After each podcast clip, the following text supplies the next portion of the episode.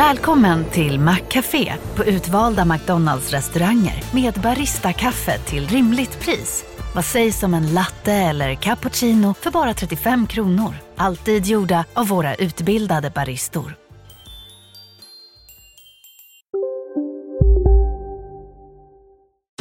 Makrorådet från Dagens Industri. Hej och välkomna till Makrorådet. Jag heter Viktor Munkhammar. Med mig idag har jag Andreas Wallström, prognoschef på Swedbank och Kristin Magnusson Bernard, VD på Första AP-fonden. Välkomna båda två. Tack så mycket. Tackar. Det är den 19 april och en vecka kvar till nästa räntebesked från Riksbanken. Det ska vi prata igenom vad det kommer bli, vad det borde bli, i vilken mån den ganska anemiska vårbudgeten påverkar och förstås eh, löneavtalet som eh, kom på plats. Vi ska också blicka ut mot Europa där ju konjunkturen på det hela taget har varit oväntat stark här under vintern och vårvintern. Eh, försöka peta lite i vad det beror på och om det kan tänkas vara mera uthålligt eller om det finns saker som kan slå till där senare. Och sen får vi spaningar och de är så spännande så jag påannonserar dem redan nu. Kristin, du ska prata om att det våras för kronan och Andreas, du ska prata om osynliga löneskillnader. Eh, snabbspola inte fram dit nu bara för att det, det låter så spännande utan lyssna på alltihopa men de riktiga godbitarna kommer väl på slutet, som det ser ut i alla fall. Men först då, Andreas. Eh, Riksbanken, eh, alltid viktig, alltid intressant, extra mycket nu. De flesta tänker sig att det blir 50 punkter, alltså hundradels procentenheter, upp till 3,50. För det första, tror du det också och tycker du i så fall att det vore en bra idé? Ja, det är också vår prognos. Det är allmänt cementerat nu och det handlar ju väldigt mycket om att Riksbanken själva har guidat ovanligt tydligt inför det här mötet att det antingen blir 25 eller 50 punkter. Och det som har hänt, om man ska sammanfatta det väldigt kort sen dess, är att inflationen återigen har överraskat på uppsidan. Vilket då har gjort att alla prognosmakare mer eller mindre har hamnat eh, där på 50 punkter. Så det är också vår bedömning. Vill du ha också min, min Ja, min nu hade du liksom? Ja. prognoshatten på. Nu hade jag Du ska ha på. liksom tyckarhatten på. Ja. Då. Eh, om jag blir då en tykonom så nej, men då tycker jag att de går för snabbt fram och att man borde ha mer eh, is i magen och eh, möjligtvis höja med 25 punkter eh, men kanske till och med avvakta helt. Eh, därför att min bild är att inflationen ändå kommer att falla väldigt snabbt framåt och att vi vet att penningpolitiken verkar med långa laggar. Mm, Okej, ja, du ska få utveckla det lite senare tror jag. Men först eh, eh Kristin, om vi tar först eh, vad du tror och sen vad du tycker. Ja, här hade det förstås varit spännande om jag hade kommit med något annorlunda än Andreas. Men jag tror också på 50 punkters höjning nu och sannolikt 25 punkter i juni. Då. Sen tror jag att man ligger still. Eh, och skälet till det här är att jag tror att fortfarande så kommer inflationen in över målet och precis som Andreas säger så har man guidat att inflationen är mycket för hög har vi hört. Inflationen måste komma ner tydligt i år. Och det gör ju att det blir svårt, särskilt när marknadsprissättningen också ligger som den gör, att eh, överraska på nedsidan. För då skulle man sannolikt framförallt få en kronförsvagning, vilket jag tror att man inte önskar. Jag tror att Riksbanken eh, är ganska nöjd, eh, förutom eh, just då de här överraskande starka tjänsteinflationen, det vill säga inhemsk inflation. För det finns ju saker som går i den linje man vill se. Inflationsförväntningarna är stabila. Skulle man säga någonting om, om budgeten så tror jag nog att det är något, om någonting det mer återhållsamma hållet än vad man kanske hade räknat med. Det är dessutom så att eh, man ser nu att konjunkturen viker, vilket man förstås inte tycker är kul i sig, men det visar ju att bollen är i rullning så att säga. Och där, från det tror jag att man vill ta det lite lugnare, men samtidigt inte då komma långt efter Europeiska centralbanken. Ja, och eh, om du också då tar på dig tyckarhatten istället, eh, är de här 50 plus 25 då som du gissar eh, bra? Jag tycker det viktigaste att tänka här hur man strategiskt guidar med sin kommunikation. Och jag tror att det kan att, att binda sig då vid ett utfall, att till exempel säga att inflationen måste komma ner tydligt. Eh, då finns risken att man kommer hamna lite efter, för då kommer man behöva höja för mycket lite för länge. Så att jag tror att, att börja mer och mer guida mot ännu mer datadrivna utfall. Och hör vi till DN till exempel så spelar han ju ner nästan, det har varit tydligt att det är 25 eller 50 så man börjar guida mot att 25 blir normalstorleken och från det blir det ingenting så att säga. Där tror jag man skapar sig en handlingsfrihet ju mer eh, man eh, ju, ju öppnare man blir så att säga. Ja, men om du satt och bestämde, skulle det bli 25 eller 50 nästa vecka? Då är det svårt här. Skulle man, skulle man behöva ta given kommunikation? Jag skulle ha guidat mjukare in i och då skulle ja. jag ha tagit 25 punkter. Ja, okay. Eh, om vi återvänder till Andreas, till varför du tycker att man kanske rent av skulle kunna ligga still eller åtminstone höja 25. Du, eh, budgeten nämnde ju Kristin, den var ju mm. väldigt försiktig, vårbudgeten, mm. som ju vårbudgetar egentligen är tänkta att vara. Det har ju varit mm. lite special här nu med tanke på pandemin och alltihopa, men ändå väldigt försiktig.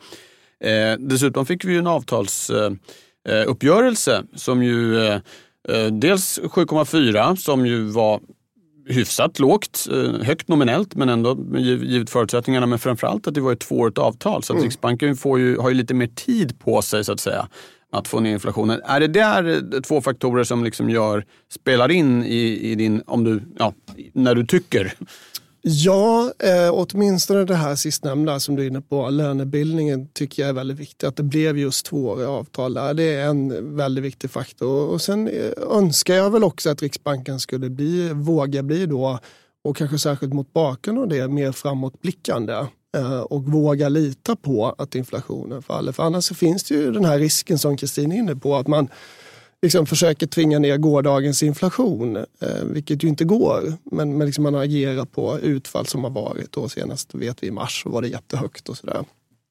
Eh, budgeten eh, var ju regeringen själva betraktade den som neutral. Eh, de flesta, eller många andra, inklusive Konjunkturinstitutet, med deras beräkningar så skulle man snarare se den som åtstramande och jag delar väl den bedömningen. Det låg väl i och för sig i förväntansbilden eh, och eh, precis som du är inne på, normalt sett så är de här vårbudgeterna eller vårändringsbudgeterna eh, små till omfånget och ska ju snarast vara att man guidar kring ekonomisk politik kommande år och det gjorde man ju också. Ja. Kristin, helt kort innan vi lämnar detta. Är det, det här, de, de här faktorerna, avtalsrörelsen och vårbudgeten, är det någonting som väger in i din i ditt tyckeri och bedömning? Jag tänker framförallt hur, hur vi ska tänka kring penningpolitik på lite sikt. Och är det något vi har lärt oss av den här episoden och perioden vi kom ifrån där man trots väldigt expansiv politik hade svårt att få upp inflationen så handlar det om hur svårt det faktiskt är att styra svensk inflation utan att få stora konjunktursvängningar. Och att då ta sig till ett läge där man försöker göra ungefär rätt och ha en större tolerans för utfall som är över eller under målet utan att tappa inflationsförväntningarna. Det är ju så att säga målbilden och sen har jag full respekt för hur svårt det är men att börja ta sig liksom med myrsteg mot den hållningen tror jag att alla skulle tjäna på. Ja, Okej, okay. då så. Eh, uh, kort summering, det blir eh, uh, 50 punkter men uh, det hade inte varit fel med 25. Och vi kan väl säga, tycker jag själv då, det mest viktiga för nästa veckas besked blir väl snarare vad man då guidar framåt just för junimötet. Om det då ska bli 25 eller 50 eller kanske rent av ingenting. Där råder en stor osäkerhet då. Eh, mycket mer så än vad som händer på eh, själva mötet nästa vecka. Ja, då är vi lite tillbaka i något slags normalläge när det faktiskt var så med de flesta centralbanker att man var ganska säker på vad de skulle göra vid det aktuella mötet men att mm. spänningen så att säga, eller mm. osäkerheten rådde det som de ja, lite skönt ändå efter de här väldigt stökiga åren. Eh, nu byter vi spår. Vi kastar oss ut i Europa där ju eh, många konjunktursignaler och utfall och liknande, jag menar det är inte något tjo och tjim direkt Kristin, men det har ju ändå igen får man säga överraskat och en del prognoser har börjat justeras upp och sådär. Eh, vad handlar det här om? Jag tror det handlar om att europeisk ekonomi, och det här menar jag framförallt då euroområdet, inte hela kontinenten, är överraskande stark. Och det finns flera skäl till det här. Men jag tänkte börja med att djupdyka lite i arbetsmarknaden som, som ja, det kanske inte har pratat så mycket om. Uh, för jag tror nämligen att det faktum att arbetsmarknaden är så stark, vi har rekordlåg arbetslöshet, Vi har inte haft så hög löneökningstakt på 30 år. Efterfrågan är fortfarande stark och det är brist på en massa olika typer av arbetskraft. Det här gör att det finns en grundläggande tillväxtdynamik i euroområdet som nog ingen riktigt hade räknat med.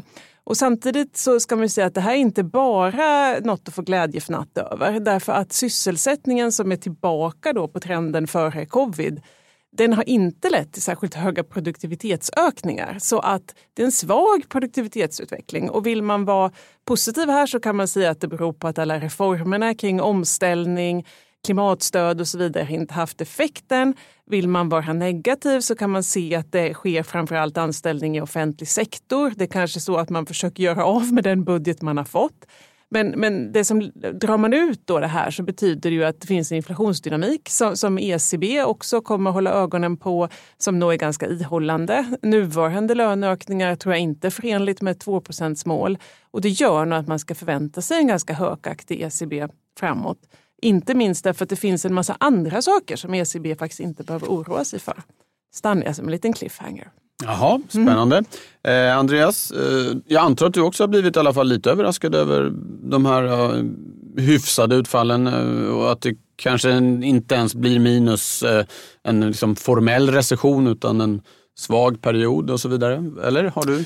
Ja, ja men det stämmer. Det gäller för Europa i stort och inklusive Sverige och USA och för den delen Kina faktiskt. Att liksom fram till nu så har väl det mesta överraskat positivt. Men eh, jag och många tror jag ändå inte har gett upp tanken om att det, här kom, det kommer sämre tider.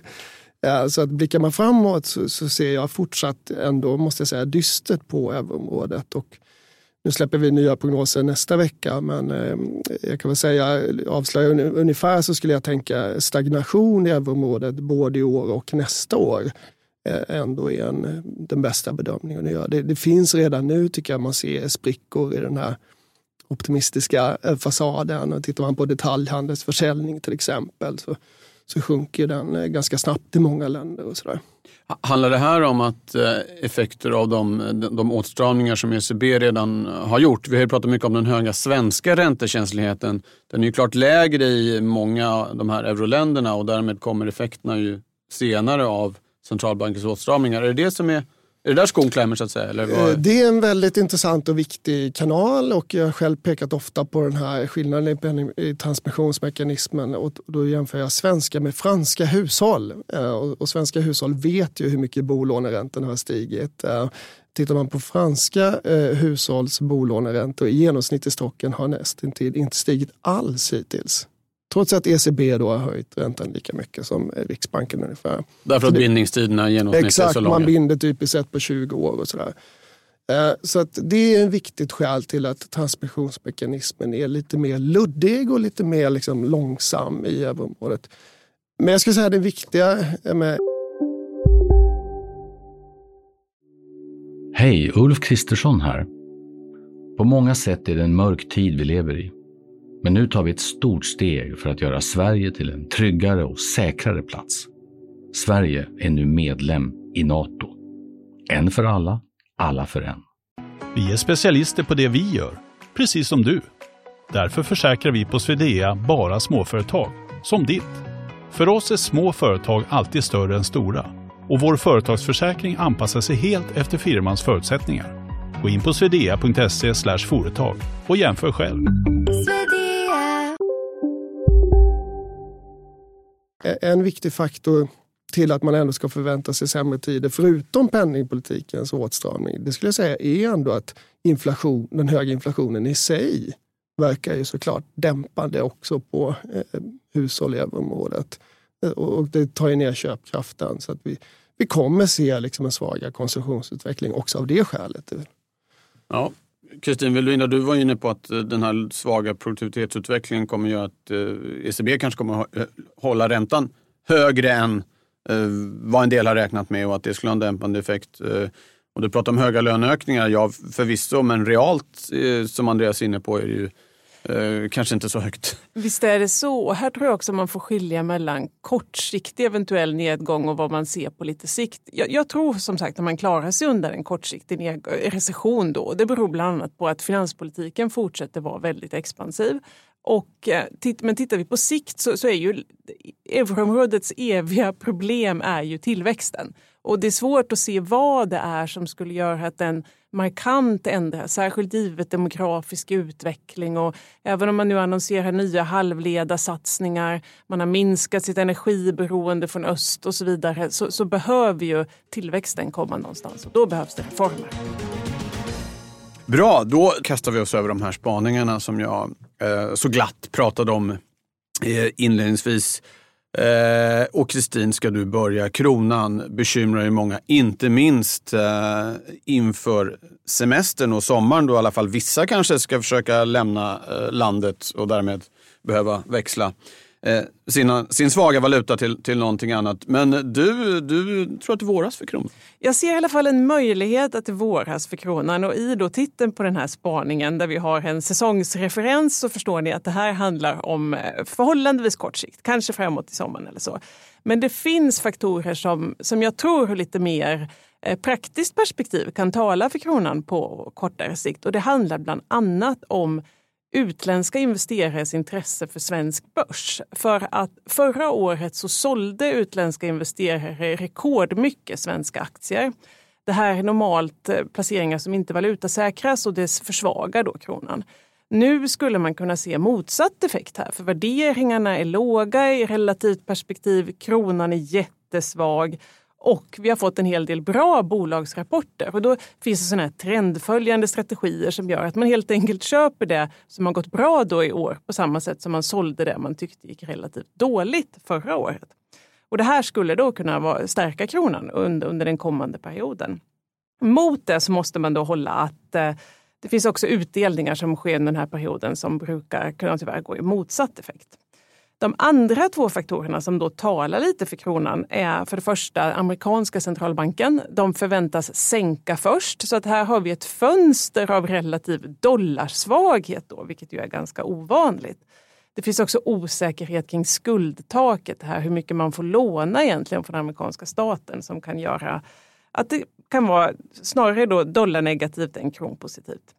Eh, men säg även den glädje som var här. Nu har ju den amerikanska ekonomin eh, klarat av den här bankoron rätt så bra och då plockar man bort förväntningarna på hur mycket den amerikanska centralbanken ska sänka ganska snabbt i år. Så då får man inte riktigt den där kronskjutsen. Då.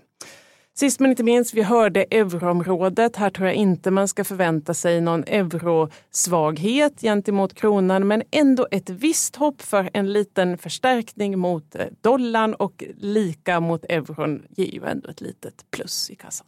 Ja, okej, okay. det var en det var, det, var, det var en försiktig vår, det var en lite sval vår, kanske lite regnig vår, ja, för men ändå. En svensk vår. Ja, ja, det var en svensk vår för, för kronan. Andreas, innan du drar igång eh, någon eh, reflektion? Ja, nej, Utan var... att avslöja för mycket om er kommande prognos, eller gör gärna det förresten. Ja, men, men spännande spaning måste jag säga, Kristin. Och det är ju konsistent med just vår växelkursprognos faktiskt, som, som vi släppte redan tidigt den här veckan. Eh, där vi förutser också en kronförstärkning. I och för sig väldigt gradvis under en längre period och inte just nu eh, tillfälligt under våren eh, nödvändigtvis bara. Men den här kronförstärkningen är ju enligt vår prognos väldigt blygsam ska man komma ihåg. Och, för att ta en referens där då så, så förutser vi en eurosek på 10,70 om 18 månader. Så det är klart att det är inte en imponerande kronnivå på något sätt. Då. Nej, okej. Okay. jag översålde kanske det här lite i början. Men ni som är med ända tills nu, jättekul, jättebra. Eh, relativt sett eh, ändå lite, lite lättnad. Eh, men nu då Andreas, de osynliga ja. löneskillnaderna. Ja, och till och med titeln skulle kunna vara de ökade osynliga löneskillnaderna. Eh, jag tänkte prata då som ni förstår om lönebildningen som sådan. Ämnet är ju aktuellt av flera skäl. Då. Bland annat minst då den här stora avtalsrundan nu eh, avslutades nyss och landade i de största löneökningarna i industriavtalets historia på 4,1 procent för första året. Och då tänkte jag ta spjärn emot en ekvation. Så håll i er nu här. Det är utmanande att beskriva en ekvation i en podd som ni förstår. Men den är ganska enkel. Nu kommer den. Lön är lika med kronor plus trivsel minus vantrivsel. Eh, det här var en ekvation, en löneekvation som jag fick lära mig för faktiskt min första kurs i nationalekonomi för, kan jag avslöja, drygt 30 år sedan, hösten 1992, vilket var en spännande höst också för övrigt. Då. Eh, hur som helst, jag var bara fem år gammal vid, det, vid den tidpunkten. Ja, ja. Mm. ja, men läraren använde då den här ekvationen för liksom såklart att beskriva då hur, hur påverkas lönerna, hur sätts lönerna? Och, eh, klassiker är ju bibliotekariernas låga löner då, eh, i kronor mätt. Men de har en hög trivsel på sitt jobb och därför accepteras då de här hö- eh, färre antalet kronor. Liksom.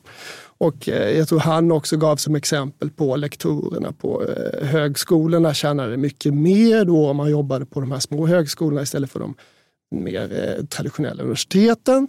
Därför att där har man så trevlig forskarmiljö. Liksom. Hur som helst, eh, det där då kan man liksom föra in då på dagens situation. Och min spaning här är att de här skillnaderna i lön mätt som kronor plus trivsel minus vantrivsel har ju ökat väldigt tydligt då de senaste åren. Eh, och just det här osynliga trivsel och vantrivsel då är det som driver detta. Eh, och det handlar mycket om pandemin eh, och de här effekterna. Att många tjänsteyrken, inklusive våra, många av oss, även om vi just nu poddar så måste vi vara studier, men annars så kan vi sitta hemma och det är ökad trivsel, åtminstone mindre vantrivsel. Däremot så är det så att många yrken, eh, och framförallt sådana yrken som det råder brist på, vårdyrken, poliser, lärare, inte har den här möjligheten. Och, och, och, då liksom är det ett bekymmer här. Då. Löneskillnaden i sig kanske inte är något problem. Att vi har fått högre lön, mätt som det här breda måttet då, och de har inte fått det. Det kan man ju tycka, eh, det, det, är vad det är. Det är slags, ändå trots allt en Pareto-förbättring om man ska alltså, Någon har fått det bättre utan att någon har fått det sämre. Tack för att du förklarade ja, det. Ja. Men, men, man kan se det som ett bekymmer eftersom det råder samtidigt en stor brist då på många av de yrken som inte har den här möjligheten. Och hur ska man då attrahera då folk till att vilja ta de här jobben som man inte kan jobba hemifrån? Ja, men då tror jag då måste man då kanske se att antingen öka trivseln på annat sätt eller öka antalet kronor helt enkelt för de här yrkena. Och ett väldigt aktuellt exempel det är ju pendeltågs, eh, den vilda strejken i Stockholm just nu bland pendeltågsförarna då, som inte strejkar för högre eh, lön i kronor mätt men däremot så vill de ha ökad trivsel i, i termer av att de vill vara fler, på, eh, också ha värdar på tågen. Eh, så det här tycker jag är ett talande i tiden på något vis och för att möta den här bristen så måste man tänka på det här vidgade lönebegreppet eh, och antingen ge dem mer kronor eller ökad trivsel. Det är min spaning. Ja, vad intressant. Jag, jag har frågor, men du får börja Kristin. om du har frågor eller synpunkter i övrigt? Jag tänker också, för nu kopplar jag osökt där tillbaka till statsbudgeten och vårbudgeten där vi började. För att en, en spänning här kommer ju bli att många av de här yrkena är ju också i offentlig sektor. Mm. Så att vad möjligheterna man har att kompensera de här yrkena är ju också begränsad eh, på sätt och vis. Så då är ju frågan, kommer man betala upp? Kommer man försöka ha en ökad till exempel automatisering av, av vissa moment för att eh, öka trivsel då genom att ta bort Eh, rutinärenden möjligtvis. Men jag ser också tecken på, eh, jag såg ett sjukhus i Västra Götaland som då går i motsatt riktning, att man faktiskt återinför vissa typer av eh, mindre kvalificerade roller som man har tagit bort just för att öka trivsel och på så vis kunna få en ökad faktiskt produktivitet också på, på, hos andra delar av personalen. Så jag, jag, jag, jag köper den här spaningen. Jag tror att det här kommer bli en, en stor fråga och ett spänningsmoment i avtalsrörelser framåt också. Ja, jag har en fråga. Det här, finns det någon typ av vedertagna mått på det här med vantrivsel respektive trivsel? Är det sånt som Eh, an, an, antal sjukskrivningar? Är det såna här medarbetarenkäter? Går det att standardisera på något sätt? Eh, liksom Bra fråga. Inte vad jag har sett. Utan det blir väl lite det man kallar reveal preferences. Liksom. Att när, folk, när det råder en brist inom viss ja. yrkeskategori så, så kanske det är ett tecken på att den här totala lönen, det vill säga kronor plus trivsel minus vantrivsel, är för liten. Det är väl så man kan eh, tänka. Då. Jag tror också vi kommer se generationseffekter här. Därför att det här kommer bli mycket, mycket mer eh, relevant för de etablerade medelålders tjänstearbetare som de tre personer som sitter här och står i studion. Yngre generationer som ska in på arbetsmarknaden, in på bostadsmarknaden, möter högre räntor och så vidare har nog mindre, i mindre utsträckning lyxen att kunna tänka på det här. Så att jag kan också se att det både är mellan grupper och mellan generationer det kommer skilja sig åt. Ja, Spännande! Eh, eh, osynliga och växande löneskillnader. Nu ska vi faktiskt eh, börja eh, runda av detta och det blir du också eh, Andreas med eh, veckans viktigaste, vad man absolut inte får missa den allra närmaste tiden. Ja, då får vi väl ändå gå tillbaka till där vi började. Det blir ju Riksbankens besked nästa vecka. Svårt och, att gå runt. Och framförallt då vad de guidar inför framtiden, vilket de ju tycks vilja göra ändå ganska tydligt. Och förutom det en hel del konjunkturstatistik. Jag håller kanske särskilt ögonen på hushållens kredittillväxt som dimper ner nästa vecka, vilket har utvecklats väldigt svagt den senaste tiden. Ja, just det. Bra, och, och, när vi ändå, man kan väl nämna att vi innan nästa podd kommer hinner vi få ett nytt Fed-besked också, eller hur? 2 maj, precis ja, innan där. Kanske deras sista höjning. Kan vara den För den här gången. Ja. ja. Annars är det något som står väldigt galet till i, i, i, i ekonomin. Eh, mycket bra. Eh, stort tack Andreas, stort tack Kristin och stort tack till alla som har lyssnat. Särskilt ni som hängde med hela vägen till spaningen om de osynliga löneskillnaderna. Dagens klo. Eh, vi är tillbaka om två veckor. Ta hand om er. Hej hej! Makrorådet från Dagens Industri. Podden klipps av Umami Produktion. Ansvarig utgivare Peter Fällman.